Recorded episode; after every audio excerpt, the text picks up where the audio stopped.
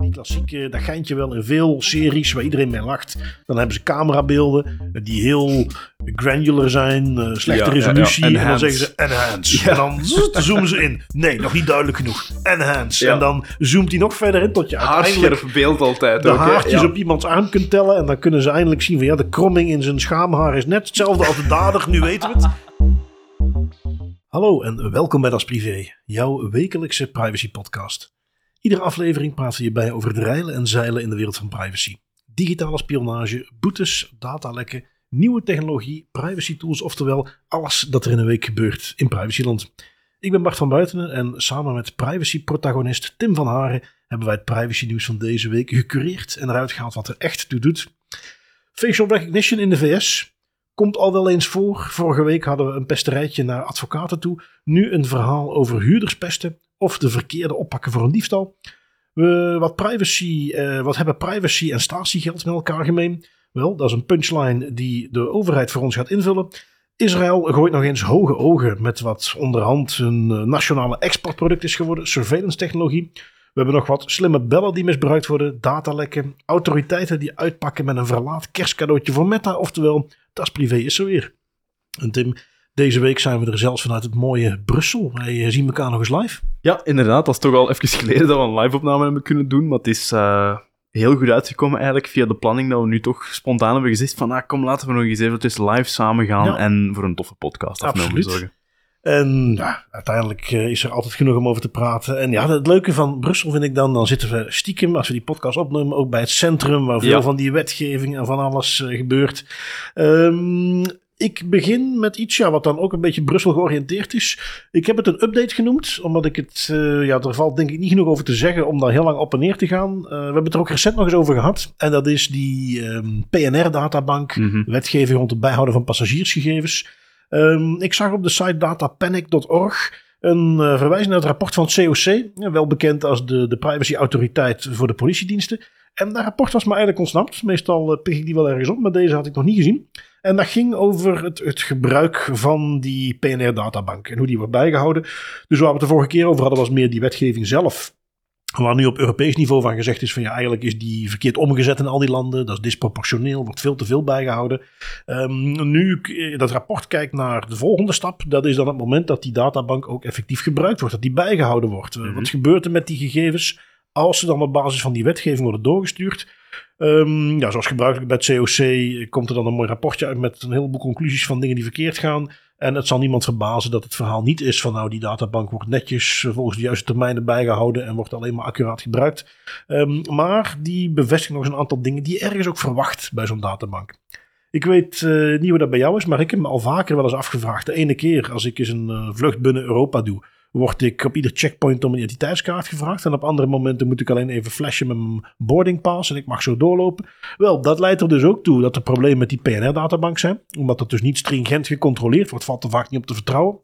Ehm, kennelijk is de gebrekkige kwaliteit van de ANG, de Algemene Nationale Gegevensbank, dus de, een van de grote databanken van de politie, ehm, die is qua kwaliteit dus gebrekkig. En dat betekent dat je die passagiersgegevens daar niet goed mee kunt koppelen.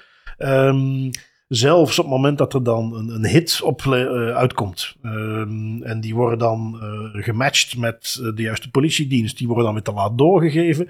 Ehm, misschien ook belangrijker, en dat is denk ik degene waar het natuurlijk het, het grootste probleem is. Men heeft ook vaak false positives. Dat er uit die databank een hit komt en aan de rand blijkt dat het helemaal niet klopt. Dus ja, lang verhaal kort. En dat is eigenlijk de update waar we het de vorige keer al hadden over die wetgeving. Die nu ook nog eens een keer is omgezet in de meeste lidstaten. Blijkt nu ook dat die data die er dan mee gebruikt wordt, waarvan we dus nu weten dat er te veel gegevens en te lang Mhm. worden bijgehouden. En dat die databank ook nog eens verkeerd gebruikt wordt. Ehm, ja, weer het klassieke verhaal van eh, dit is waarom je vanaf dag één bij het maken van die wetgeving en als die databanken gebruikt worden, waarom je daar zo op moet toezien als, als burger, journalist en wetgever. Want dit is wat er gebeurt als het niet gebeurt. Nee, klopt. En dat is, ja, dat is een beetje ook de taak geworden van, van eh, mensen die bezig zijn met privacy professioneel. Gek genoeg is ook toezien op, ja, wordt, wordt de data op een bepaalde manier goed gebruikt? Wordt dat gebruikt op een manier die in lijn ligt met het doel? En, en door dat te gaan checken, kan je eigenlijk ook gaan checken, wordt die data efficiënt gebruikt? Dat is vaak een argument dat wordt aangehaald door mensen die met privacy bezig zijn op professioneel niveau, is dat ze, ehm, ze kijken niet alleen naar, werkt worden er bepaalde verwerking van persoonsgegevens gedaan, conform een bepaalde wetgeving, maar ook, is dit de beste manier om dit te gaan doen? Los van de wetgeving, gewoon ook eventjes gaan kijken naar doelbindingsgewijs, proportionaliteitsgewijs. Wat zijn hier nu de zaken waar men nog aan kan werken om, deze, om dit hele proces efficiënter te maken en daardoor minder persoonsgegevens te gaan verwerken of ze minder lang bij te houden, wat dat uiteindelijk in de long run praktisch ook nuttiger is voor het bedrijf. Mhm. Ja. Dus goed, uh, ik zeg het al, uh, voor de rest, er was niks nieuws, actueels aan, aan, aan misbruik wat eruit naar buiten kwam. Maar dus nuttig om te weten dat uh, het ook het gebruik van die databank zelf gewoon niet in orde is. Mhm. Um, als je het dan hebt over onaccurate gegevens die leiden tot false positives. Ja, in zo'n passagiersdatabank is dat één ding. Hè, tegelijkertijd hoorden we in de opmerkingen van het onderzoeksrapport dat de hits toch te laat worden doorgegeven. Dus misschien vallen dan de gevolgen nog wel mee. Um, eentje die ik heb meegenomen van, uh, ja, ik heb het gelezen in arstechnica.com. Um, en we hadden het er van tevoren even over. Ik, ik zag over dit verhaaltje van, ja, eigenlijk, in eerste instantie toen ik het las, dacht ik van, ja, weer uh, niet interessant. Uh, ik weet eigenlijk niet eens of ik dat wel mee wil nemen.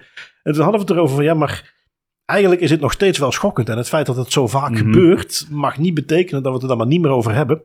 Uh, waar heb ik het over? Een, weer een geval van het verkeerd toepassen van gezichtsherkenningstechnologie. Nu, dat gebeurt al vaak genoeg, maar dat nemen we nog steeds mee. Maar de context hier was dat, ja, zoals we ondertussen weten, mensen met een donkere huidskleur, ik denk simpel gezegd, hoe donkerder, hoe slechter gezichtsherkenning vaak werkt. Um, is dat dan dat jij je computer niet kunt unlocken, dan is dat uh, onhandig. Is dat dat de politie dat gebruikt om jou te identificeren voor een feit, een misdrijf? Ja, dan is dat nogal een, een dingetje als dat Mhm. verkeerd gaat. Dat is wat uh, Randall Reed overkwam. Randall is 28, is een zwarte man. En die heeft een week in de bak gezeten. Uh, volledig onterecht. Werd op 25 november werd hij aan de kant gezet. Um, werd hem verteld dat hij een, um, ja, dat er een, een bevelschrift voor hem uitstond om op te pakken. Uit uh, Jefferson Parish. Kennelijk uh, er is iets uit de omgeving daar. Um, Randall Reed kende het ook niet. Die gaf uh, volgens eigen zeggen aan van ja, wat, wat is dat? Is dat een stadje in Louisiana kennelijk? Hij zei ja, ik ben nog nooit van mijn leven in Louisiana geweest. en dan zeiden ze van ja, dat is, je hebt daar een diefstal gepleegd. En dan zei hij ja, ik ben nog nooit in Louisiana geweest. Laat staan dat ik daar een diefstal gepleegd heb. Maar goed, dat maakte niet uit. Um, hij is opgepakt. Een week in de, in de cel gezeten. Um, ja, ik denk dat een week in de cel zitten voor niemand een pretje is. Maar ik kan me zeker voorstellen in uh, die Amerikaanse context. Ik hoor dan zoiets als Louisiana. Uh, toch in mijn beperkte kennis niet de meest ontwikkelde staat. Niet iets waar ik een week in de bak wil zitten. En al helemaal niet als het onterecht is. Um, nou, aan de rand bleek dat dat op een aantal manieren vrij makkelijk gedetecteerd had kunnen worden. Um, hij heeft op zijn gezicht, Randall, kennelijk een behoorlijk grote moedervlek zitten. Die meteen duidelijk had moeten maken dat hij het niet was. Um, er zit een 20 kilo gewichtsverschil uh, tussen hem en degene die het wel effectief is. Um, uit de beelden, en zo omschrijven ze het zelf, blijkt kennelijk dat de dader een beetje flubberige armen had. Uh, vanwege dat gewichtsverschil. Uh, dus er waren echt wel een aantal dingen die eigenlijk met een beetje moeite meteen duidelijk hadden kunnen maken dat Randall niet degene was die uh, Louis Vuitton handtasjes had gestolen. Um, als, als side note, en voor de luisteraars zeker niet onbekende technologie die ze waarschijnlijk gebruikt hebben, is uh, Clearview. Um, ja. Waar dan meteen het basisissue in zit. Hè. Dat is je upload daar een foto en die gaat dat matchen met allerlei social media foto's. Niet bepaald bekend om of hun waarheidsgetrouwheid of de kwaliteit ervan. En ja, het is dus, er stonden zelfs twee bevelschriften op zijn naam uit vanwege die verkeerde match. En ja, uiteindelijk is dus na een week is het wel gedetecteerd. Maar die heeft dus gewoon even een week in de bak gezeten, volkomen onterecht. Dat is ongelooflijk. En, en in mijn ogen, de, de, de crux van heel dit verhaal is, is dat ik het nog altijd heel gek vind en, en ook ja, uh, zorgwekkend dat facial recognition nog steeds blindelings wordt vertrouwd. Tot op het punt dat je eigenlijk facial recognition blindelings gaat vertrouwen, waardoor dat iemand een week lang in de cel blijft totdat die persoon zijn onschuld zelf moet gaan bewijzen, versus dan de beslissing van de facial recognition dat die persoon die Louis Vuitton tassen heeft, heeft gestolen, wel heel hard lijkt op jou. Dat een computer zegt van ja, die persoon lijkt erop, en dat de politie dan blindelings erop vertrouwt en die man gaat arresteren, dat is echt een gigantisch probleem. En dat getuigt ook van een groot gebrek aan awareness over hoe, um, hoeveel fouten dat er nog in facial recognition technologie zitten. Ja, Zeker als het gaat over mensen met een donkere huidskleur. En, en hier dan, dat dat dus waarschijnlijk, en ik bedoel, het is Amerika, dat gebeurt nog veel meer. Dit is niet dan een door de overheid opgezette databank, nee. beheerd door de overheid. Dit is gewoon een privébedrijf. Dit is, je hebt de fotootjes kunnen zien, Dat is eh, letterlijk een, een, een, ja, jochie mag ik niet zeggen, maar hij is nog een stukje jonger dan ik. Die Mm. ergens in zijn zolderkamertje een bedrijfje heeft opgezet. Die gewoon het internet afschuimt en daar allerlei social media foto's maakt. En daar een databank mee heeft opgebouwd. En dat wordt nu gebruikt om mensen op te sporen om potentieel een week lang in de bak te zetten. En weet je, het ergste is waarschijnlijk eh, als hij al een excuus krijgt, maar als hij daar een rechtszaak voor gaat willen aanspannen. Maar ehm, een week lang in een gevangenis zitten. Ik, ik denk, tenminste, opnieuw een beetje persoonlijke mening, maar ik, ik hoor daar wel eens over als mensen dan hebben over dit en dit is gebeurd, straf is te laag,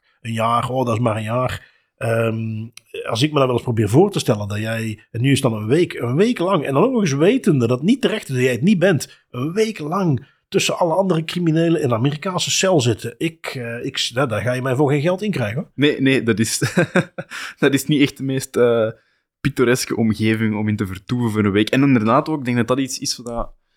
Het, het komt licht over en het komt over als het eindgoed al goed is. Hè. Die persoon die heeft een week lang vastgezeten. Uiteindelijk is die toch vrij verklaard en is het probleem opgelost. En hebben ze uiteindelijk moeten toegeven dat hij inderdaad niet de persoon was die die handtassen heeft gestolen. Maar de impact dat dat heeft op iemand, psychologisch gezien, van een week lang vastzitten tussen inderdaad criminelen, niet weten of dat je effectief je onschuld gaat kunnen bewijzen, de- want uiteindelijk is het gewoon het blindelings, er werd blindelings vertrouwd op een facial recognition technologie. Wat is het volgende? Ja, dat is heel, dat is, dat is nefast voor die persoon, zijn, zijn psychisch welzijn. Ja, en, en dan hebben we het over psychisch welzijn, maar eh, denk eventjes een stapje verder, echt niet heel ver gezocht. Eh, die man heeft een baan wat hij al een week niet op komt dagen, raakt zijn baan kwijt. Gaat misschien niet iets snel iets nieuws kunnen vinden, raakt zijn huis kwijt. Ik bedoel, dat is echt niet denkbeeldig. Nee. Dus de, de, de impact gaat echt heel erg ver. Ehm, en dat is ook waarom, eh, ook al is dit inderdaad al de zoveelste keer dat we dit voorbij zien komen, dat dit nooit weggezet mag worden als van, ach ja, daar hebben we er weer eentje, weet je wat, dat is niet interessant om het nog over te hebben. Want dit blijft eigenlijk gewoon waanzinnig schokkend als dat gebeurt. Ja, exact. Het is, het is een grondig gebrek aan awareness dat aan de kern ligt van heel veel van die problemen. En tot als daar meer bewustwording over komt, over de voordelen die facial recognition misschien kan hebben, misschien, maar dan ook de nadelen, dan ja, zijn we goed bezig. Maar dat is er voorlopig nog niet. Nou ja, goed, eh, nadelen. Eh, jij hebt er toevallig, had jij er ook eentje meegenomen deze week van Vice.com over gezichtsherkenning, waarbij het kennelijk ingezet wordt om eh, lastige huurders aan te pakken. Ja, dan ben ik natuurlijk mee benieuwd eh, waar het over gaat, maar vooral gaat het dan wel echt om lastige huurders of zit er ook hier weer een flinke foutmarge op? Ja, er zit hier eh, weer een flinke fout, maar ook, ook in de interpretatie van het techbedrijf zelf, denk ik dan. Hè. Waar het hier eigenlijk over gaat zijn, ehm, je, hebt, je hebt een groeiende opkomst van smart home technologieën, ehm, die vooral, niet allemaal, maar er zijn er wel een aantal die werken met keyless entry bijvoorbeeld. Het idee dat jouw gezicht, net zoals op je iPhone, wordt ergens opgeslagen in een databank. En als je dan een gebouw probeert binnen te gaan, dan gaat die, dat gebouw via een camera eerst gaan checken. Oké, die persoon komt die in mijn databank voor. Krijg je toegang als je in die databank zit, of krijg je geen toegang als je Mhm. daar niet in zit? Dat is een, dat is een beetje de, de huizen van de toekomst, bij wijze van spreken, waar je geen sleutel mee nodig hebt, maar je gewoon met je gezicht binnenwandelt als je daar binnen mag. Er zijn een aantal bedrijven dat zich daarmee bezighouden met die technologie. Ehm, een aantal die beweren dat ze het doen met de beste bedoelingen, om, om de wereld gemakkelijker te maken en ervoor te zorgen dat je sleutels bijvoorbeeld niet meer verliest en dat je gewoon met je gezicht kan binnenwandelen. En een aantal die eh waarschijnlijk meer snoodaardige bedoelingen hebben. Namelijk het, het bespioneren van huurders, om ze vervolgens uit hun woning te zetten of de huur te kunnen verhogen. En waar dat eigenlijk over gaat in het artikel van Vice, is het techbedrijf Teman. En die hebben exact dat als doel eigenlijk, het, identificeren van huurders die problematisch zijn om er daarna vervolgstappen op te gaan nemen. Ehm, op het eerste zicht maakt Teman, net zoals veel van die andere techbedrijven, bewakingssystemen voor appartementsgebouwen. Maar naar de verhuurders van die appartementsgebouwen toe, promoten ze hun technologie ook voor het optimaliseren van de huurinkomsten.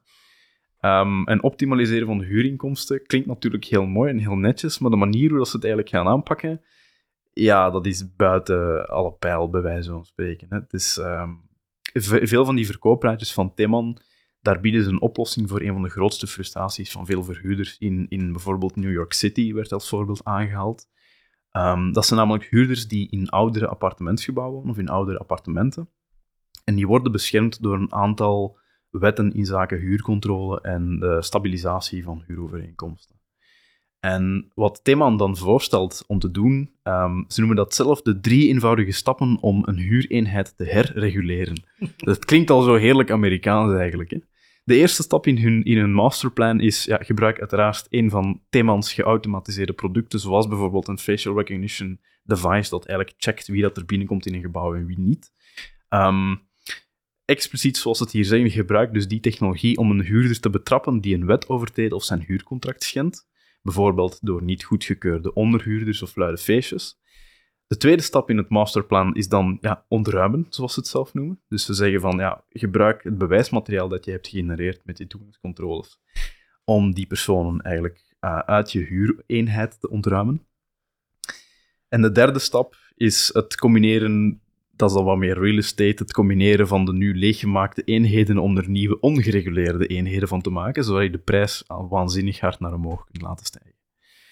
Het is ja, maf dat dat eigenlijk zo open en bloot gepromoot wordt. Het feit dat, dat een, een bedrijf dat met technologie werkt, die eigenlijk doet alsof ze gewoon toegangscontroles willen laten inbouwen door, voor appartementsgebouwen. Mhm. Op de achtergrond eigenlijk ook naar de verhuurders toe alles promoot, Ja.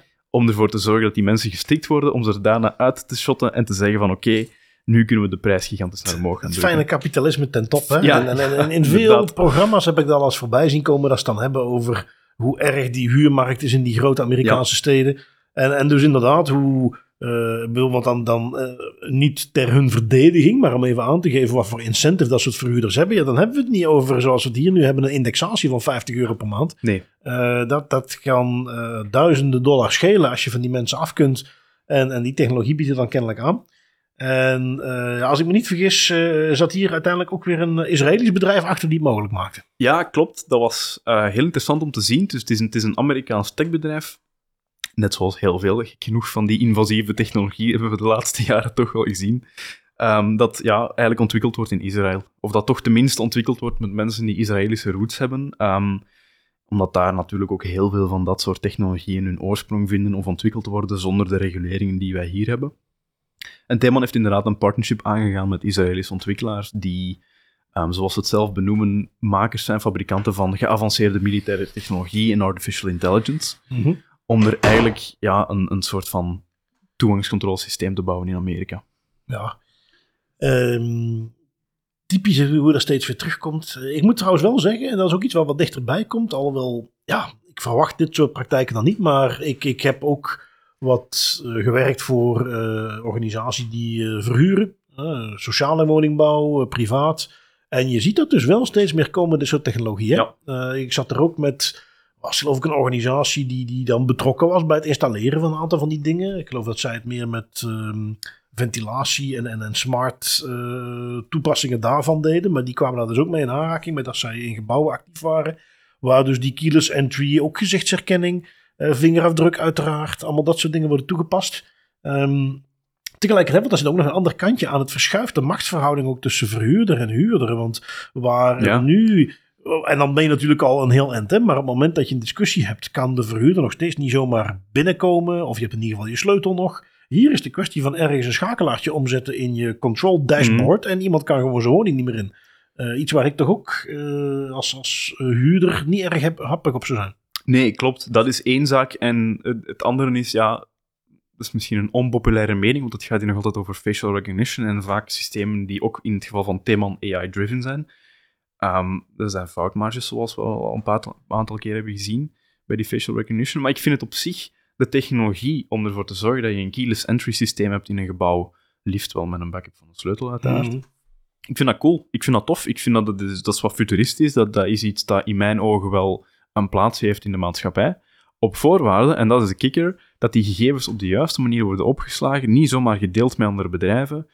En dat je niet een bedrijf hebt zoals Theman dat aan de ene kant naar de, naar de huurders toe ehm, zich voordoet als een bedrijf dat inzit met je veiligheid en dat ervoor wilt zorgen dat je op de juiste en op een vlotte, toegankelijke, moderne manier toegang hebt tot het appartementsgebouw. En op de achtergrond, langs de andere kant van de lijn, naar de verhuurders toe gaat promoten, dat je dus ook tegelijkertijd die mensen waar je net hebt gepromoot als ze Ja. veilig zijn, in het oog kan gaan houden.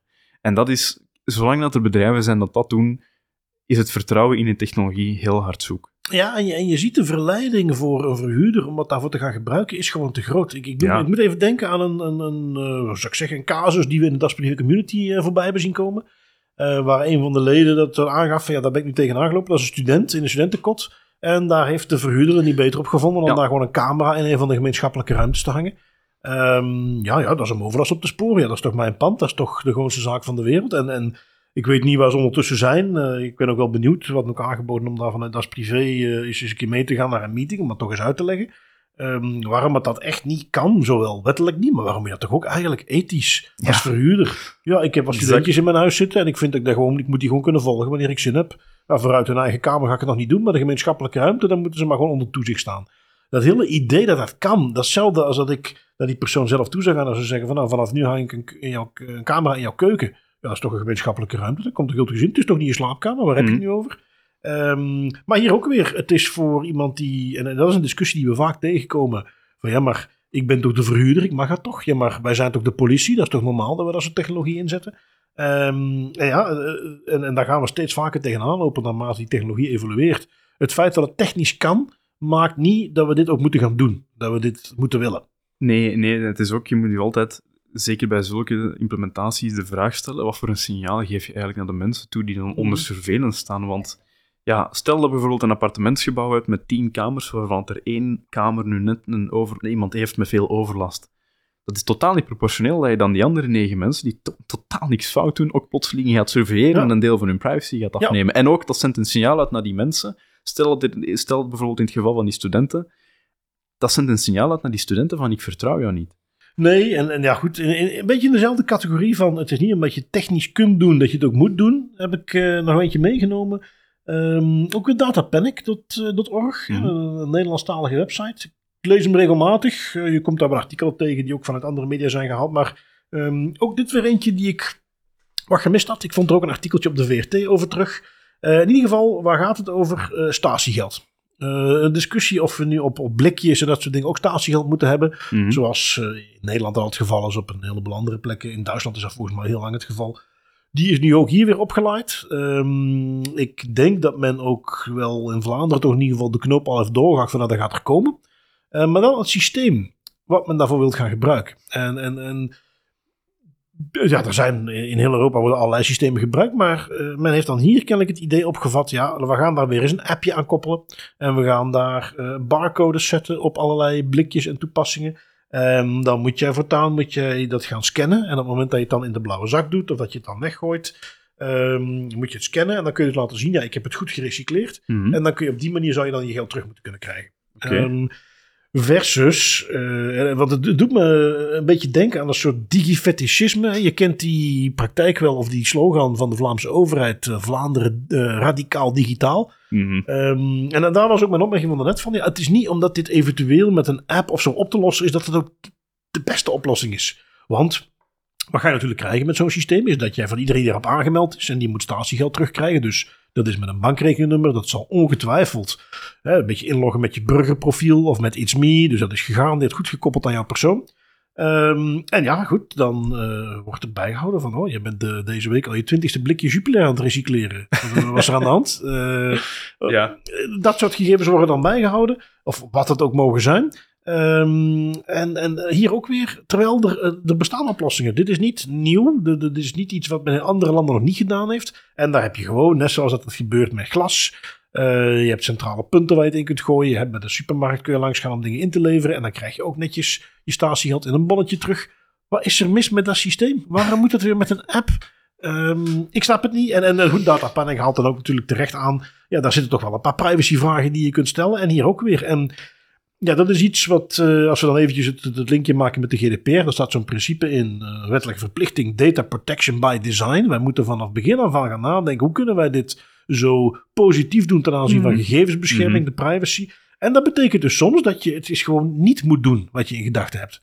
uh, um, ja. We kunnen daar weer een appje aan koppelen. We kunnen het allemaal digitaal doen. En we kunnen mensen ook gewoon een zakje maken met alle blikjes die ze hebben. En dan gaan ze die gewoon één keer per zoveel tijd inleveren bij de supermarkt en krijgen ze een bondje. Net zoals dat nu met glas gebeurt.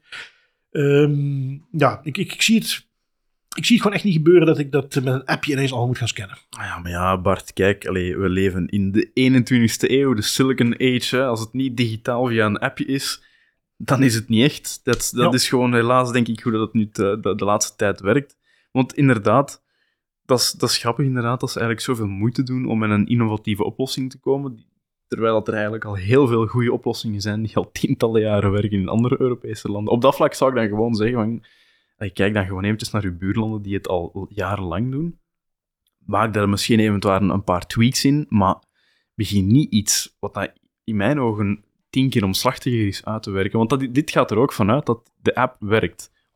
Oh ja. Dat er nooit dingen fout gaan, dat er nooit misinterpretaties gaan zijn van wat er nu eigenlijk wordt weggegooid.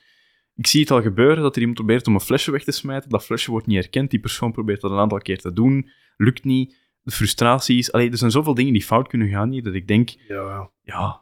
doe, doe het gewoon niet. Ik zag de details ook niet staan, maar je moet dan met je smartphone gaan scannen. Ja, wat, wat bewijst dat, dat ik dat vervolgens ook goed heb weggegooid? Exact. Ehm, het idee was dan van, ja, maar eh, sluit je dan die mensen uit die geen smartphone hebben? Ja, die zijn er nog steeds. Eh, of je bent uh, Das Privé eh, fanaticus en je zegt ik heb alleen maar een Nokia 3310. Dat kan ook. Of natuurlijk gewoon ook de oudere generatie. Ja, ze gingen dan thuis scanners gingen ze eh, voorzien. En dus dan kun je ieder blikje, kon je dan thuis, kreeg je een handscanner. En net zoals in de supermarkten. Ehm, maar ja, zie daar het probleem al. Eh, als ik die, die handscanners, dus tussen haakjes voor mij, het is iets waar ik op selecteer. Ja, ik eh, loop dan een winkel binnen. Ik haal mijn eh, bonuskaarten, wat het ook is, voorbij de scanner. Mm. Uiteraard niet gekoppeld aan mijn eigen naam. Ik heb gewoon iets ingevuld op dat formuliertje. As you should. En dan Ja. kan ik gewoon allerlei dingen scannen en daarna gewoon naar de kassa lopen en dat zelf afrekenen. Niet heel dat gedoe van alles in een kaartje laden om het er dan vervolgens weer helemaal uit te laden. Om het er dan weer in te laden om het dan in mijn auto te stoppen. Nee, dat blijft gewoon netjes allemaal in de goede zak. Ik ben een grote fan van dat systeem. Maar ik zie dus ook dat dat iets is waar zeker mensen van een bepaalde leeftijd nooit gebruik van zullen maken. Nee. Want het werkt gewoon eh, voor hen niet. Ja, dus de- daar zit ook geen oplossing voor. En opnieuw, hè, dat basisprincipe. Er is al, statiegeld is niet nieuw. We doen dat al jaren. Waarom zou je dan nu, omdat het blikjes zijn, daar ineens een heel nieuw systeem van gaan maken. Waarbij je een hele berg gegevens van mensen gaat verzamelen. Ehm, en dan kom je weer op dat punt wat we heel vaak aanhalen. Dat het, het, hier zit niks kwaadaardigs achter. De overheid is er op zich niet op uit om onze blikjes gewoon te gaan tracken. En om te weten of wij nu 20, 30 blikjes Jupiler per week drinken. Maar je registreert het wel. En ergens gaat het er dus een keer uitgehaald kunnen worden. En zeker als er een optie beschikbaar is die dat niet doet. Ja, dan moeten we daar eigenlijk helemaal geen discussie over hebben. Nee, nee, exact. Dat is de crux van heel het verhaal. Hè. Dat is, dus, komt gewoon neer op de vraag van, ja, is dit iets dat we moeten doen? En ja, in mijn ogen is het antwoord nee. Nee, dus nou goed. ik bedoel, tot nu toe, dat, dat was een voorstel. Hè. We weten, er gaat statiegeld komen. Dat, dat met zo'n appje te gaan doen, is dan Mhm. weer een voorstel wat nu rondzinkt. Hopelijk eh, komt men tot inkeer. Ehm, misschien niet omdat men vanuit privacy redeneert, maar omdat men gewoon ziet dat het weer een overheids-IT-project wordt van vele miljoenen, waar ze zich misschien niet aan moeten branden. Dat en dus. beter Ja. gewoon het bestaande statiegeldsysteem kunnen gebruiken, dan maar een nieuwe machine die blikjes slikt. Ehm, goed, gaan we even door met eh, iets helemaal anders. Ehm, Britse politie heeft ehm, kennelijk een, een, een zelfgemaakte tool gemaakt eh, voor het diep blurren van foto's, waarmee ze nu een aanhouding hebben kunnen doen. Ik ben heel benieuwd wat hier precies mee gebeurt. Je hebt van security.nl en ook de National Crime Agency.gov.uk die ermee uitpakken. Wat hebben ze gedaan in de UK? Eh, wel, wat ze hebben gedaan is eigenlijk exact wat jij al omschrijft. Ze hebben een, een soort tool ontwikkeld, zelf gemaakt, waarmee dat ze foto's die geblurred zijn of op andere manieren vervormd zijn, kunnen terugzetten naar een originele of semi-originele vorm van de oorspronkelijke foto. Dus dat idee is, hè, bijvoorbeeld mijn gezicht wordt op een foto geblurred, die tool wordt daarop toegepast en je krijgt een foto te zien van mij terug. Dat is eigenlijk het idee. Ze hebben dat nu voor de eerste keer hebben ze dat toegepast op een verdachte, eh, eigenlijk een, een, een doodlopende zaak van 13 jaar geleden, was een, een, een seriepedofiel. En die had op het dark web bepaalde foto's van hem en van een slachtoffer van hem verspreid. Ehm, andere Europese instanties, ik denk dat de, Frans, ja, de Franse en de Italiaanse autoriteiten, die, hadden, die waren al met die foto aan de slag geweest, die hadden op basis van de achtergrondomgeving het al kunnen herleiden naar eh, Ierland of Wales. Dus er was al een soort van regio die ze hadden geïdentificeerd. Van daar zit die man waarschijnlijk, daar is die man waarschijnlijk actief. Maar omdat die foto geblurred was, dus geen gezicht, zijn ze daar nooit verder mee gekomen. Hebben ze dat nooit kunnen oplossen, die zaak. En nu, 13 jaar later, eh, het Britse National Crime Agency, die NCA, heeft een tool ontwikkeld voor het deblurren van foto's. Heeft dat voor de eerste keer nu toegepast op deze doodlopende zaak. En daardoor hebben ze die man kunnen terugvinden. Dus 13 jaar na de feiten hebben ze die man kunnen vatten. Ehm, ze zijn dan effectief binnengegaan bij die man. Ehm, die man heeft alles ook toegegeven. Ze hebben foto's gevonden op een, op een fotocamera van hem, waar dat de originele foto zonder de blurring ook nog eens op staat. Dus ik bedoel, harder dan dit kan je het niet gaan maken. Ehm, en dankzij het feit dat die foto dus gedeblurred was, heeft die man levenslang gekregen. 13 jaar na de feiten. Eigenlijk in een doodlopende zaak waar we man dacht, ja, dit gaat nooit opgelost geraken. En waarom ik het vooral meeneem, is het geeft nog eens heel mooi weer dat beveiligingsmaatregelen die vandaag de dag gebruikt worden, niet op lange termijn foolproof zijn. Hmm. hè. Het idee van het blurren of het censureren van bepaalde delen van, van een beeld was misschien tien jaar geleden een waterdichte manier om een identiteit te gaan verbergen. Maar als je dan kijkt naar bijvoorbeeld nu, zelfgemaakte tools van de politie, die het gemakkelijk maken of het mogelijk maken om die zaken te gaan deblurren, ja, dat verandert wel een heleboel Hmm. zaken. Hè? Ja, ja, ja. En, en denk maar even aan wat we nu heel veel zien. Ontwikkeling van alle AI-tools. Die de, de- de modellen die eronder zitten moeten getraind worden. Ja. En een van de dingen die je nu wel eens hoort is van... Ja, maar wij hebben voor de model die wij gebruikt hebben... hebben we alleen maar gebruik gemaakt van foto's waar de mensen in geblurred zijn. Ja. Ja, nu zie je dus dat het de, de, op de, eigenlijk waarschijnlijk volgens dezelfde manier... het trainen van modellen die steeds beter leren om die blur weg te halen... ehm, dat het eh, iets is wat op termijn eigenlijk helemaal niet voldoende meer is. Ehm, doet me ook een beetje denken. Het is, het is net iets anders, hè, maar het doet me een beetje denken aan zo'n toeltje wat ik recent nog eens eh, terug zag komen. Eh, wat de mogelijkheid biedt om een foto te uploaden. En dan kun je een object eruit halen. En dan kun je een. eh, eh, je, je- hebt een fotoboom van je hond. Of er staat toevallig een, een, een brug die een beetje lelijk op de foto staat. Wel, dan kun je met dat toeltje kun je gewoon klikken en dan haalt hij hem weg. Redelijk, redelijk betrouwbaar. Ik weet dat dat. Ja, een paar jaar geleden was dat nieuw en kon je er eens mee spelen. En nu hebben ze er uiteraard een business van gemaakt. En nu moet je daarvoor gaan betalen Ja. om dat- dat te doen die foto's. Ehm, maar goed, dit, is een beetje hetzelfde. Hè? Want natuurlijk op het moment dat je een object weghaalt uit die foto, dan reconstrueer je wat erachter zit. Dat doen ze dan met dus die modellen, die getrainde AI. Eh, daar hebben ze weer trainingsmateriaal voor moeten gebruiken. Want het is eigenlijk een beetje hetzelfde. Alleen nu is het geen object, nu is het een geblurred stukje. Ehm, ja, goed, de, de- de- inderdaad. Dat vind ik nog een hele leuke takeaway eh, van dit eh, stukje. Is, dit bewijst nog maar eens hoe technologie die nu, of destijds, anonimisering volmaakt maakte, hoe dat op termijn niet, niet houdbaar is. Ehm, ja, we hadden het daar straks al eventjes over eh, Israël met hun nationale exportproduct. Eh, bedrijven die aan surveillance doen. Dit ging dan over, de, de- toen ging het over huurders. Ehm, nu hebben we er eentje mee die ehm, ja, eigenlijk een beetje de Hollywood Tour op gaat. En, en niet Mhm. zozeer omdat ze met Hollywood samenwerken, maar omdat ze dingen doen die we tot nu toe eigenlijk alleen maar in, in films voorbij zagen komen.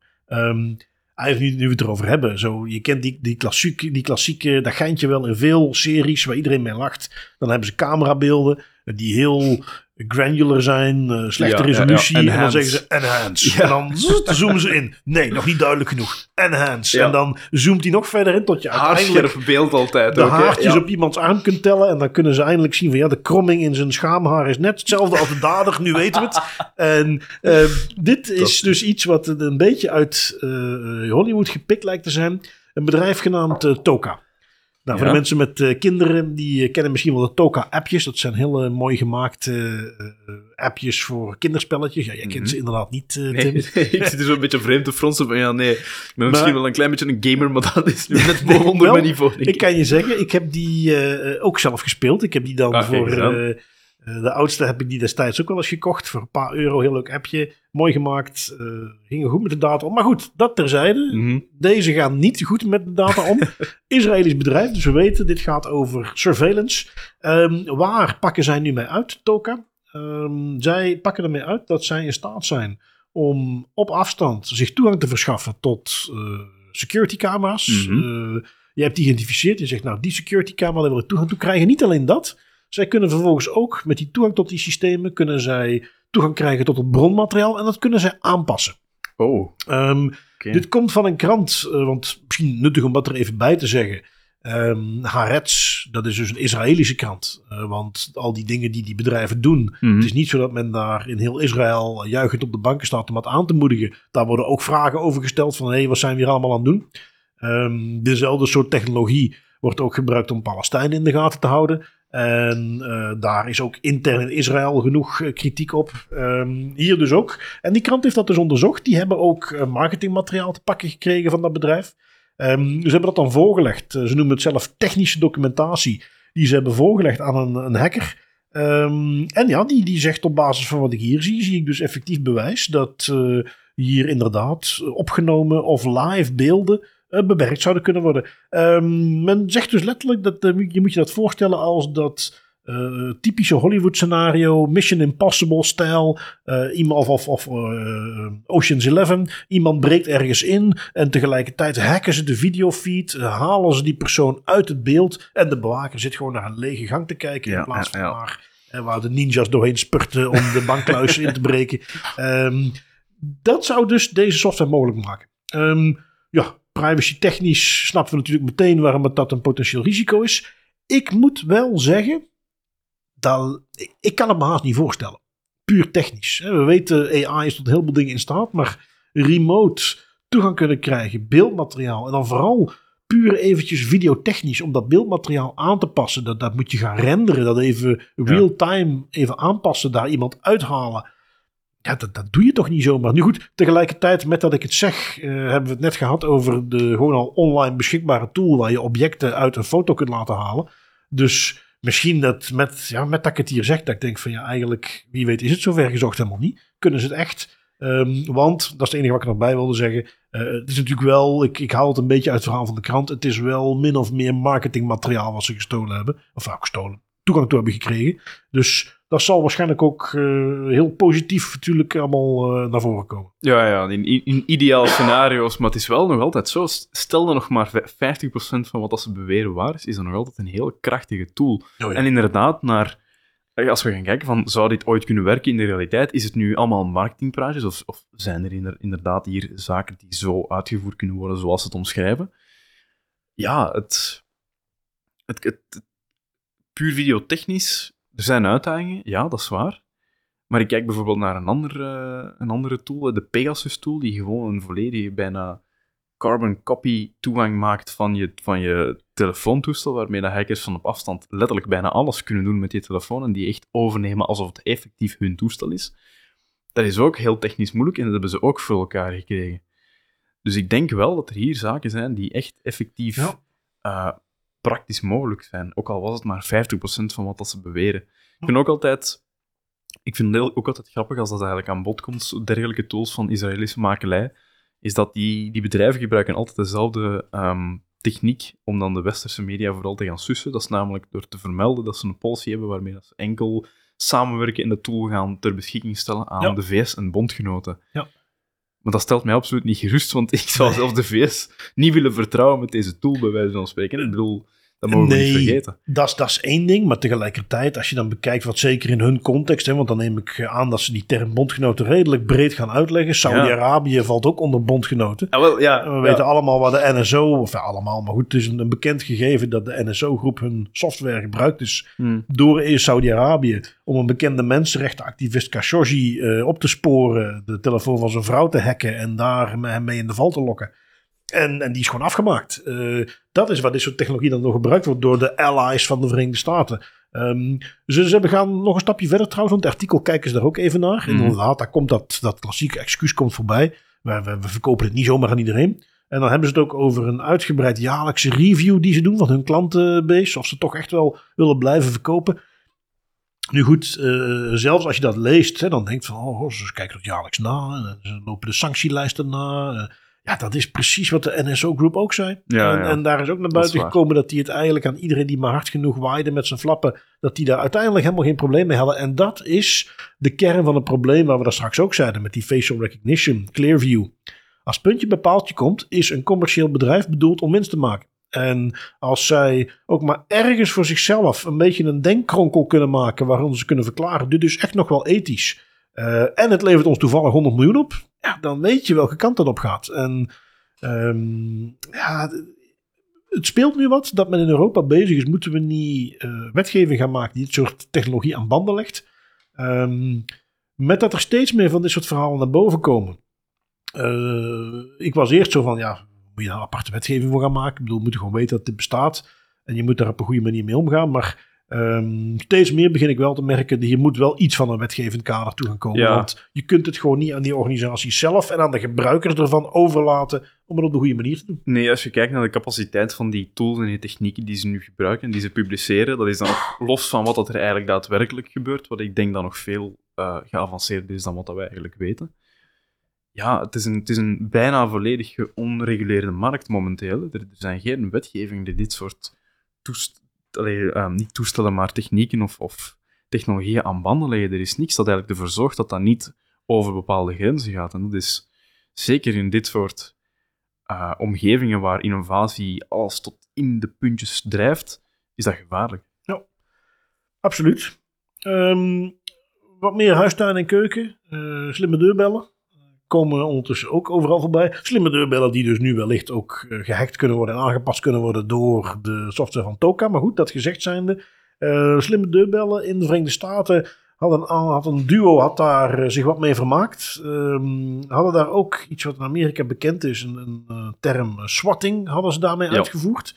Um, maar daar misschien mee beginnen, wat is swatting überhaupt? Um, swatting is eigenlijk via een vaak gespoefd telefoonnummer de, de politie bellen om op een bepaalde locatie, niet die van jou, maar eigenlijk van je slachtoffer, een uh, ernstig misdrijf of een ernstige noodsituatie te gaan melden, in de hoop dat de politie jouw melding zodanig serieus neemt dat ze daar een, een, SWAT-team op afsturen om eigenlijk je deur bij wijze van spreken binnen te beuken en ervoor te zorgen dat eigenlijk iedereen die daar zogezegd in nood is, veilig te stellen.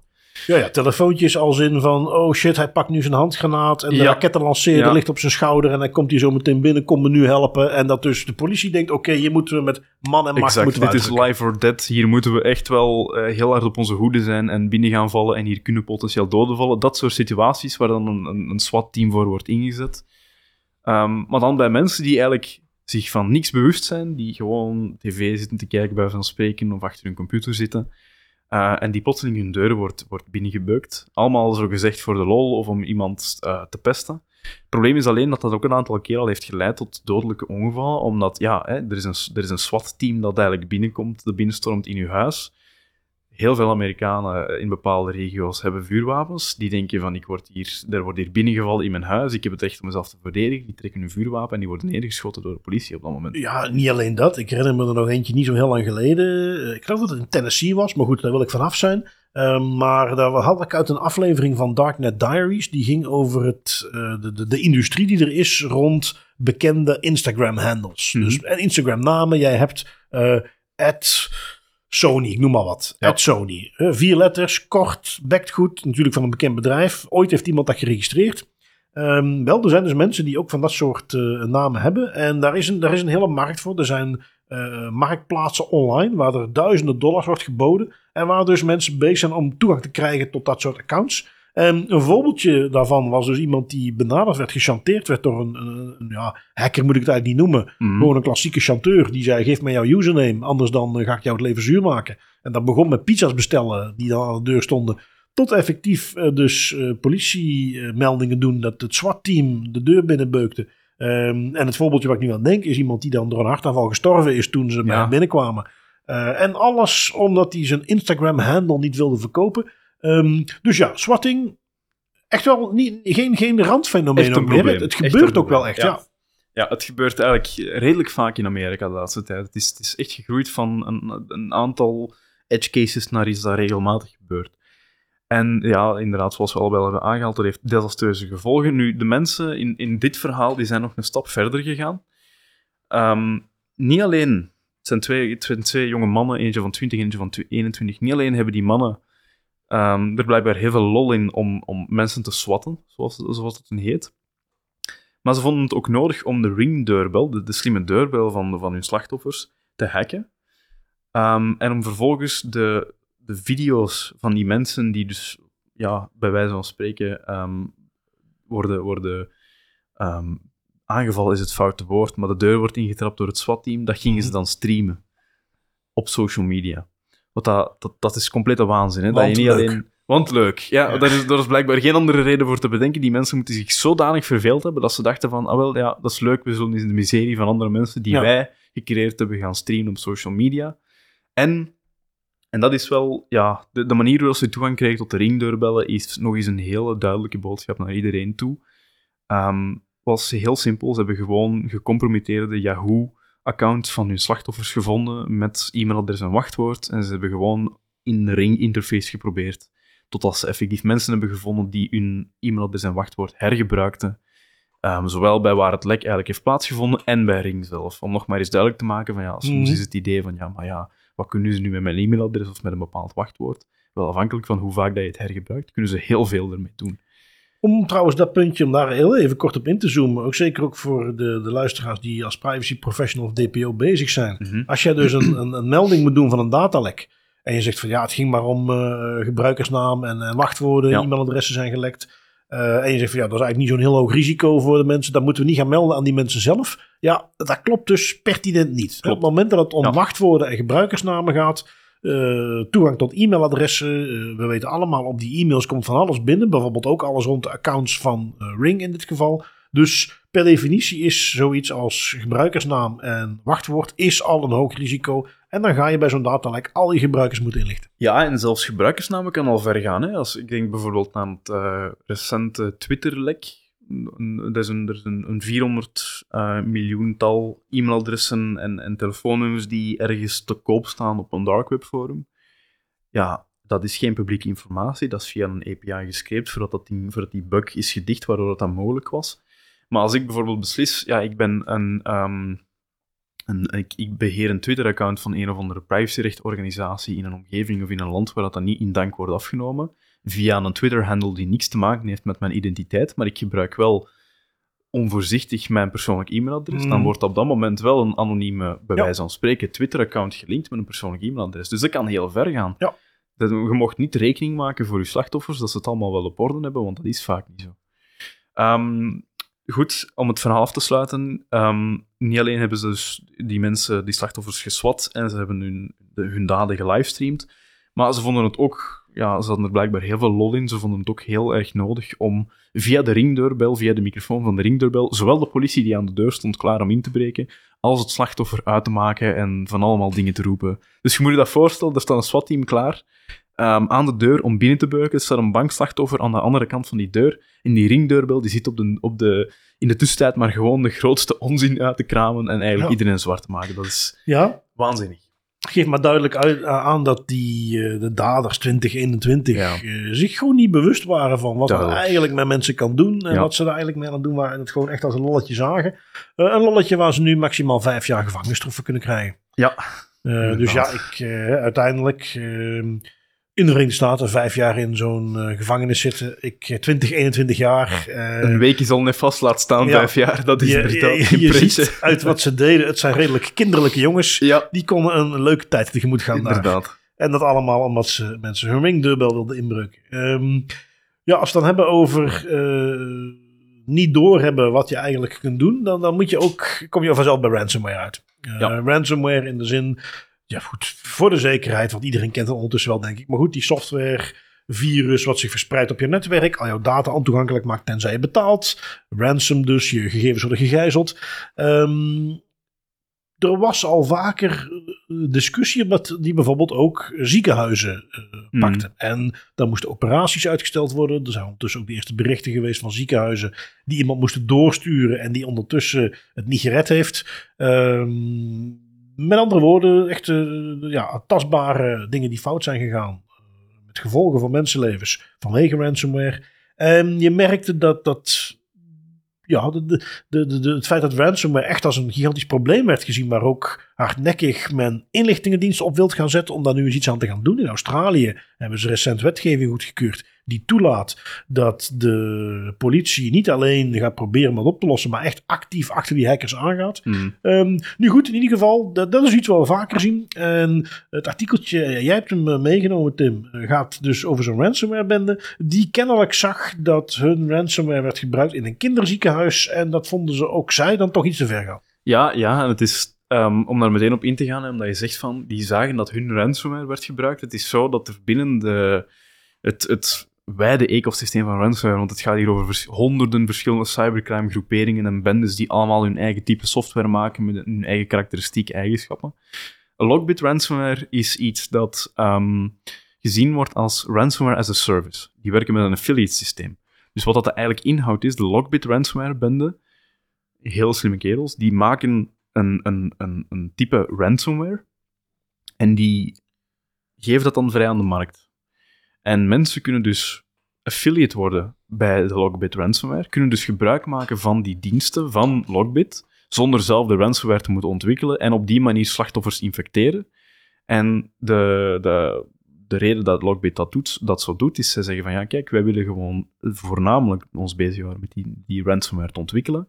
En als jij dan een, een slachtoffer maakt, dan het slachtoffer betaalt, dan gaan wij een percentage van jouw winst afromen om eigenlijk onze ontwikkelingen verder te kunnen ondersteunen.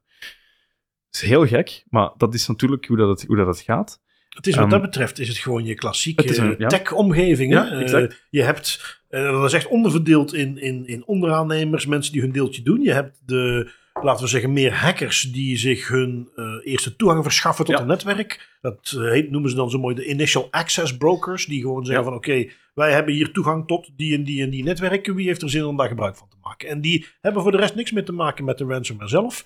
Dan heb je de lui die het vervolgens willen gaan uitbuiten. En waar je dan nu, zoals je ook al aanhaalt, dus de, de varianten waarin dan zijn die zeggen wel, wij hebben de ransomware software. Ehm het is gewhite label, plak er je eigen logo op, eh, maar wij Ja. maken gewoon die software. En, en zo heb je dus echt een heel eh, ja, een onderscheid in die industrie van degene die de toegang krijgen tot de netwerken, die het dan weer doorverkopen. Dan degene die de ransomware software maken, die dat weer doorverkopen. En dan heb je de, ja, het echte uitschot wat dan vervolgens daarmee aan de slag gaat om allerlei organisaties te, ook effectief eh, plat te leggen. En dat is wat er hier nu met dat ziekenhuis gebeurde. En kennelijk dus een van de ja, affiliates, zoals ze dan zelf noemen. ja. Een van de affiliates van, die gebruik maakte van de software van Lockbit, van die ransomware groep. Die pakte dus een kinderziekenhuis. Iets waar dan ook Lockbit zelf niet om kon lachen. Nee, klopt. Ehm Lockbit kon daar niet mee, niet, niet mee lachen. Ze vonden het, ze vonden het eigenlijk... ehm, ja, het is, bijna, het is bijna gek om dat te zeggen, maar zelfs van die cybercrime-bendes hebben tegenwoordig een beleid dat ze handhaven. Ook bij hun klanten, bij hun affiliate. Ja. En dit ging dus in tegen hun beleid, want hun beleid zegt onder andere, wij targeten geen ziekenhuizen. Dat doen wij niet. Ehm, doen ze dat uit de goedheid van hun hart? Dat geloof ik niet. Doen ze dat zoals jij in het begin ook al een klein beetje deed insinueren, vooral omdat het te veel aandacht, zowel van de media als van overheidsinstanties en autoriteiten, creëert? Ik denk dat daar vooral het antwoord ligt. Het is het, de, de, de kans dat het ziekenhuis betaalt is, is redelijk klein. Want dat zijn vaak organisaties die al op een redelijk strak budget zitten en die niet zomaar eventjes 300.000 of 500.000 euro kunnen vrijmaken om ransomware te gaan betalen. Maar ten tweede ook, ja, er is, het potentieel menselijk leed is zoveel keren groter dan dat je bijvoorbeeld een of andere industriegigant platlegt. En die gewoon miljoenen aan euro's verliezen, maar waar dat eigenlijk geen mensenlevens aan te pas komen. Ja. Dus die, die, die hebben duidelijk gezien van ja, dat gaan we niet doen. Ehm een, van, van hun affiliates heeft die boodschap niet begrepen, heeft dus een kinderziekenhuis in Canada aangevallen met die ransomware. Sick Kids heet het. En ehm Lockbit heeft dat op een bepaald moment opgemerkt en heeft de decryptiesleutel, dus wat eigenlijk het, het stukje decryptiesleutel dat je nodig hebt om ervoor te zorgen dat je terug alles kan decrypteren, dat eigenlijk achter slot en grendel zat na die ransomware-aanval, hebben ze vrijgegeven aan het ziekenhuis, met een verontschuldiging die ze ook op de blogpost hebben gezet op hun blogwebsite, met daarin duidelijk de vermelding dat ehm, het aanvallen van ziekenhuizen not done is, dat ze dat niet ondersteunen. En de affiliate waar ze mee werkte, die is ook verbannen van het gebruik van hun diensten. Ja, nou ja. Dus, Prachtig gedaan. Ja. En, en even als zijopmerking, het kinderziekenhuis heette dus Sick Kids. Ja, ja, dat is een bijzonder originele naam, moet ik zeggen.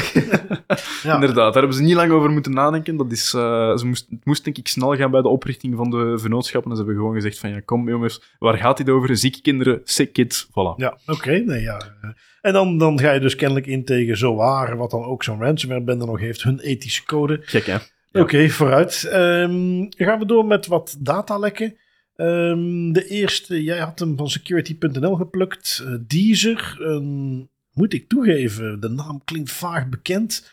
Maar het is een muziekstreamingdienst. Ehm, met kennelijk toch nog een paar miljoen gebruikers. Misschien dat het ooit ergens in de jaren stilletjes bekend was. Voor mij klinkt het absoluut niet bekend.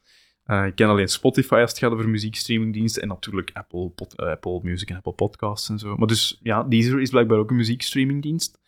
Ehm, en die heeft nu een melding gedaan dat de persoonsgegevens van 229 miljoen van hun gebruikers gelekt zijn. En dan gaat het om e-mailadressen, IP-adressen, namen, de gebruikersnaam, geslacht, geboortedatum en de geo- geografische locatie van hun klanten. Ehm, wat dat hier nog noemenswaardig is, is het gaat eigenlijk om een datalek uit 2019 bij, hoe kan het ook anders, een derde partij, een van, de, een van hun leveranciers die hun beveiliging niet goed op orde had, maar die wel toegang had tot bijna hun hele klantenbestand. Ehm, en dat is nu pas naar buiten gekomen. Dus nu pas doen ze er eigenlijk een melding van, omdat die derde partij ehm, nu pas eigenlijk het lek ja, openbaar maakt. Hoe komt dat? Ze doen dat niet omdat ze plotseling tot inzicht zijn gekomen dat het misschien wel handig is om zo'n dingen te melden. Maar de, afgelopen, de data ja, verscheen afgelopen november online op het internet.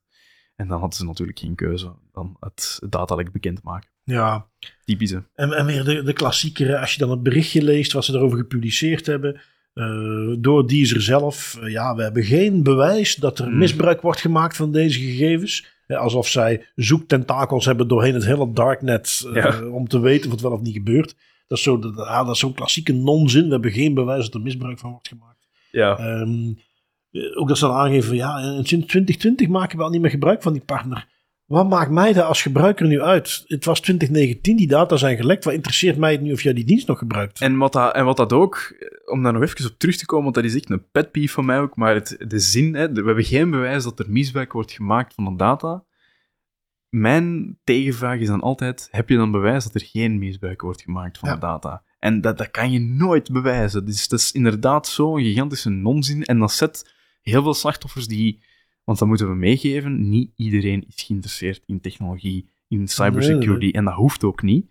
Maar die mensen missen dan wel vaak een klein beetje een achtergrond om te snappen dat die zin hun op het verkeerde pad brengt en een vals gevoel van veiligheid geeft. Ja, en dan eh, voor, voor de rest in het artikel, eh, ja, of het artikel, de publicatie, de melding die ze deden rond de Mm. data breach. Ehm, nou, vooruit de zin, we take your privacy very seriously, staat er niet in. Ehm, Allee, daar krijgen ze bonuspunten ja, voor. alleen nou, nu wordt het dan, our commitment to Ja, you and ja. the security of your personal data is of the utmost importance to us. Potato, Oké. potato. hè. Ja, ja, precies. hè, Dat is meer van hetzelfde. Ehm, wat ik dan nog een leuke uitsmijter vond in de melding zelf. Ehm, als ze dan zeggen van ja, als, als eh, maatregel die je kunt nemen, wachtwoord veranderen. En eh, ja, als je toch nog wat informatie wilt over het beschermen van je identiteit, Hmm. ga dan even op deze website kijken. En dan linken ze naar een artikel van de New York Times. Dus niet dat zij zelf daar iets rond gedaan hebben. Nee, ze linken gewoon een artikel van een krant wat die Dat is, wel, gepubliceerd dat is hebben. wel een klein beetje grof, hè? Ja. En niet eens de moeite doen om zelf een kleine blogpost op je website te zetten. Nee, of, of, of zelf actief die Of- wachtwoorden ja. veranderen. Nee, Ja. nee, we raden je aan om het te doen. Maar ho, ho, we gaan daar zelf geen moeite in stoppen. Dat is toch, ja, dat is wel heel knap. Eh, wie weet dat dit er zo eentje is, want daar zijn ze, als het erop aankomt, nog best wel handig mee. Over, eh, ja, ah, pak een beetje twee jaar dat de FTC dan een boete Mm. oplegt van 500 miljoen. Ehm en dan Ja, tussen vijf jaar na de feiten. Het, het- ja, dat is wel typisch Amerikaans natuurlijk. Je moet heel lang wachten op die zaken. Maar inderdaad, het, het zou wel eens eentje kunnen zijn waar men van zegt van kijk, sorry, Deezer en derde partij X, jullie zijn extreem nalatig geweest. Ja. En eigenlijk nu pas, nu dat je echt niet anders kan, nu pas ga je dat datalek gaan melden. Too late. Eh, een andere die eh, deze week naar buiten kwam, eh, Air France KLM een datalek. Ehm, in de melding staat onder andere dat een ongeautoriseerde entiteit verdachte activiteit heeft uitgevoerd met de accounts van de betreffende klanten. Tim, dat lijkt mij volkomen duidelijk wat er aan de hand is. Hè? Ja, dat is zelfs voor mij niet helemaal duidelijk wat er hier in godsnaam aan de hand is laat staan. Opnieuw voor iemand die eigenlijk niet zo echt een achtergrond mee heeft om daarmee aan, aan de slag te gaan. Wel mooi, hè? Een ongeautoriseerde entiteit heeft eh, eh, een verdachte activiteit uitgevoerd. Dat is toch wel heel mooi. Ehm, ja, meer info hebben ook, ze. Ja, uiteraard. Meer info hebben ze nog niet gegeven. Ik verwacht dat ze nog wel verplicht worden om dat te doen. Eh, maar het gaat dus wel om gegevens van je, je naam, je telefoonnummer, e-mailadres, de laatste transacties. Mm. Dat zijn dingen die er allemaal wel in staan. Meer informatie nog niet bekend, maar ehm, ze verwijzen ook naar het Flying Blue number. Eh, dat zal dan wel een of ander een mileage programma zijn eh, waar je bij eh, Air France en KLM eh, aan mee kunt doen. Dus ja, als je dat hebt, mocht er toevallig een luisteraar zijn die daarmee te maken heeft, ja, dan zal dit waarschijnlijk voor jou relevant zijn. Mhm. Ongetwijfeld gaat er binnenkort nog naar buiten komen dat het een derde partij was die betrokken was bij de verwerking van die Het gebeurt gegevens. wel veel de laatste tijd. Hè? Als, Ja. we het, als we het hebben over datalekken die we elke week meenemen, er is er altijd wel eentje waar het gaat over een derde partij. Ja, ja, ja, precies. zo typisch. You will respect my authority! Nu, eh, ondertussen de knil, die maakt zich druk om de Olympische Spelen Parijs 2024. Nu kennelijk niet, omdat Air France hun data niet goed beveiligt, maar nog iets anders. Nee, klopt. Het is zo dat eh, de, de Olympische en de Paralympische Spelen van 2024 gehost worden door Frankrijk in Parijs. Ehm, en daar horen natuurlijk ja, ja, een gezonde dosis eh, experimentele technologie bij, waarmee dat je dan de, de omgeving wilt gaan bewaken. Dus dat is altijd zo'n ding met grote sportevenementen, dat we dan ook altijd zien dat men daar grootschalig gebruik gaat maken van camera's, facial recognition, AI-driven technologieën met de nodige privacy-inbreuken. En ook de KNIL maakt zich daar zorgen om. Er is een, eh, een nieuwe wetgeving die nu op tafel ligt bij de Franse regering voor de Olympische Spelen en Paralympische Spelen. Ehm, waaronder ook de beveiliging van dat evenement valt. En daar worden een aantal keer ja, aangehaald dat men heel graag gebruik wil gaan maken van ehm, augmented toezichtcamera's, zoals ze het eigenlijk zeggen, die via algoritmes potentieel gevaarlijke situaties moeten gaan herkennen en dan de juiste mensen daarop afsturen. En de knil, ik vind dat ze het heel mooi omschrijven. Ik moet het ze nageven, op dat vlak zijn ze altijd top-notch en hier ook. Ehm, zij zien dit echt als een, als een soort kantelpunt, als een soort hellend vlak. Die wetgeving die stelt dingen voor waar nog absoluut geen kader voor is. Ehm, waar nog heel weinig informatie, nog heel weinig kennis over is van wat dat nu eigenlijk dat, het effect is op de persoonlijke levenssfeer van personen en, en, en wat dat proportioneel is en wat dat niet proportioneel is. En jullie stellen hier nu dingen voor die ver boven, ver die grenzen gaan, die eigenlijk nog heel vaag zijn. Ehm, en ze noemen het terecht een kantelpunt dat zal bijdragen aan het bepalen van de algemene rol die zal worden toegekend aan die technologie. En dat vind ik eigenlijk een heel mooie manier om nog eens duidelijk te maken, maar ja, het begint altijd met een sportevenement of een andere dringende zaak, waarin dat wel eens handig kan zijn om het beveiligingsniveau te gaan naar omhoog tillen, dat snap ik best. Maar dan wil men er op deze manier snel, snel bepaalde technologieën doorkrijgen of bepaalde wetten doorkrijgen die het gebruik van bepaalde technologieën mogelijk maken, die wel een vast gevolg kunnen hebben voor de privacy. En dat wordt gewoon stelselmatig niet onderzocht, omdat het allemaal snel moet gaan of omdat het in het kader is van een bepaald groot evenement. Mhm, Ja. Ja, en laat het maar aan inderdaad de organisatoren van zo'n groot evenement uit om eh, eens te kijken of, het, eh, of ze niet wat extra technologie eh, kunnen gebruiken. Ehm, gaan we even door met een, een boete die is uitgeschreven ten aanzien van Meta. Die zat er al een tijdje aan te komen. We hebben hem ook al aangekondigd toen de eerste berichten ervan naar buiten kwamen. Ik moet toegeven dat ik eigenlijk dacht dat we eh, een miljardenboete zouden gaan zien. Nou, dat is niet gebeurd. Ehm, desalniettemin heeft Meta een leuke boete gekregen. Ehm 390 miljoen euro. Even nog kort terug in de tijd. eh, 25 mei 2018, klokslag 12 uur. Meta zegt, weet je wat, wij hebben tot nu toe jullie toestemming gevraagd om jullie gepersonaliseerde advertenties eh, te laten zien.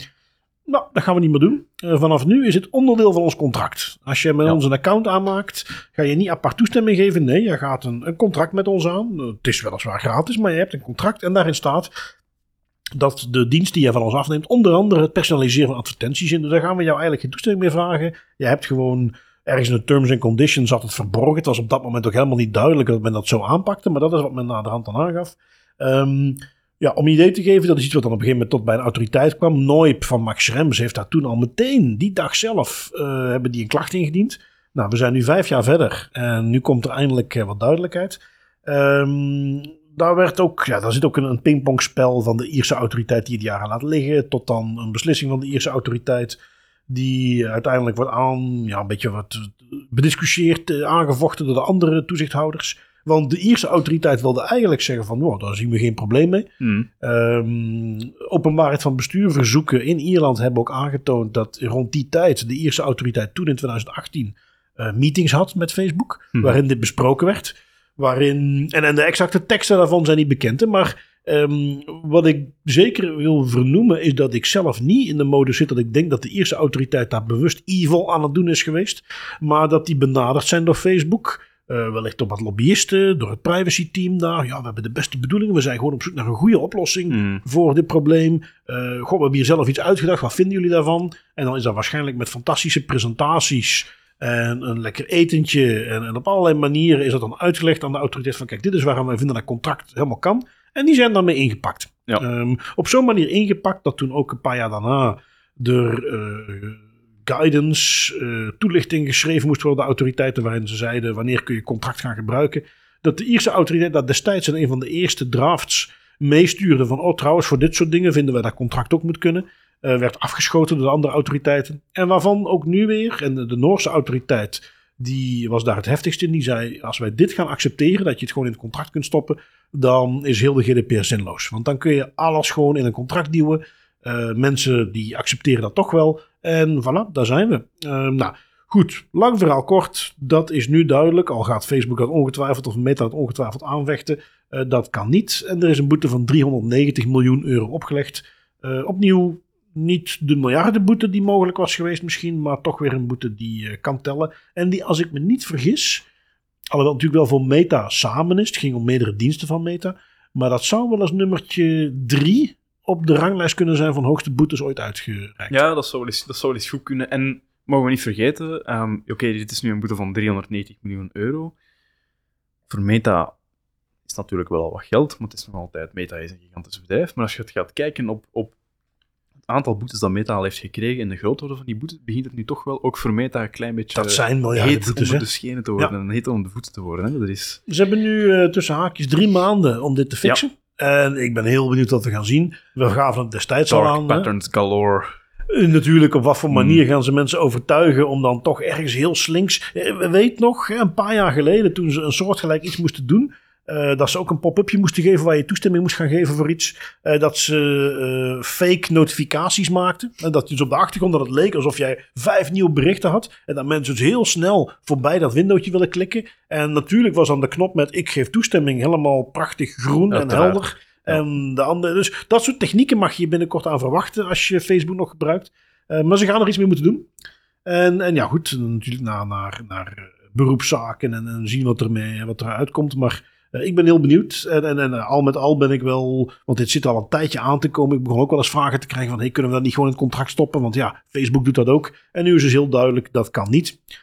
Ehm, nou, dat vond ik een mooie uitsmijter voor eh, de onderwerpen van deze aflevering. Eh, hebben wij nog eventjes onze privacy pointers. En eh, je hebt nog eens een boek meegenomen. Ja, inderdaad. Een, een redelijk nieuw boek. Dus het heet Surveillance State Inside China's Quest to Launch a New Era of Social Control. Dat is een hele mond vol. Maar het is een, ik vind het een fantastisch boek, omdat het eigenlijk heel mooi het cultuurverschil weergeeft tussen de surveillance in, die wij kennen in het Westen, eh, Amerika en Europa dan vooral, en de surveillance die gaande is in eh, China. Want China, volgens dat boek, en dat zie ik ook wel als ik kijk naar de artikels die eruit komen, Ehm, China is de laatste tijd heel hard bezig geweest aan een, een het niet anders noemen dan een promotiecampagne voor de, de overheidsgefundeerde surveillance. In die zin dat ze het voor elkaar hebben gekregen, dat ze eigenlijk bijna surveillance hebben gelijkgesteld met het leven in een utopische, moderne stad, waarin dat hoe meer data dat jij vrijgeeft aan de overheid, hoe gemakkelijker de overheid aan jouw noden kan voldoen. Ja. En dat is dus effectief iets dat, dat echt in de cultuur wordt ingebakken in China. En daar heel mooi in dat boek eigenlijk naar buiten komt hoe dat, dat men eigenlijk de... Je hebt een beetje de, het contrast tussen aan de ene kant etnische minderheden, zoals de Oeigoeren, die met diezelfde technologie ehm, ja, echt letterlijk worden onderdrukt. En tegelijkertijd, die technologie die wordt ook ingezet om, om ehm, Chinese burgers in steden zoals Hangzhou een fantastisch leven te bieden. Ja. Een heel cool boek. Oké, heel benieuwd. Eh, eentje die dan bij mij ook zeker op het lijstje komt. Ehm, wat heb ik meegenomen? Ja, ik wil eigenlijk zeggen, het is een hele goede aflevering. Maar het is ook een hele donkere aflevering. Mm. En de podcast waar ik dan een aanbeveling ga doen, ja, die heet al Darknet Diaries. Ehm, dit is een aflevering en ik weet niet of het er iets mee te maken heeft. Maar de maker, eh, Jack Resider, heeft ook gezegd... ik ga er nu even drie maanden tussenuit. Oké. eh, na deze aflevering. Die heet Welcome to Video. Ehm, ten eerste, en dat is het, het- wat ik, ja, zeker ook de privacy link, gaat over wat voor, wat voor onderzoeken men nu kan doen met bitcoin transacties. En Mhm. hoe daar een bedrijf zoals Chainalysis, wat redelijk bekend is daarmee, het mogelijk maakt om transacties via bitcoin te gaan traceren. En dus ondertussen, want ja, hier weer ook een voorbeeldje, hè? De, de, de- die databank van alle transacties op bitcoin, die is publiek. Eh, een paar jaar geleden was dat bijna onmogelijk om daar mensen uit te gaan pikken. Wel, deze episode maakt nog eens duidelijk dat men ondertussen heel ver staat om Ja. Bitcoin volledig te de-anonymiseren bijna.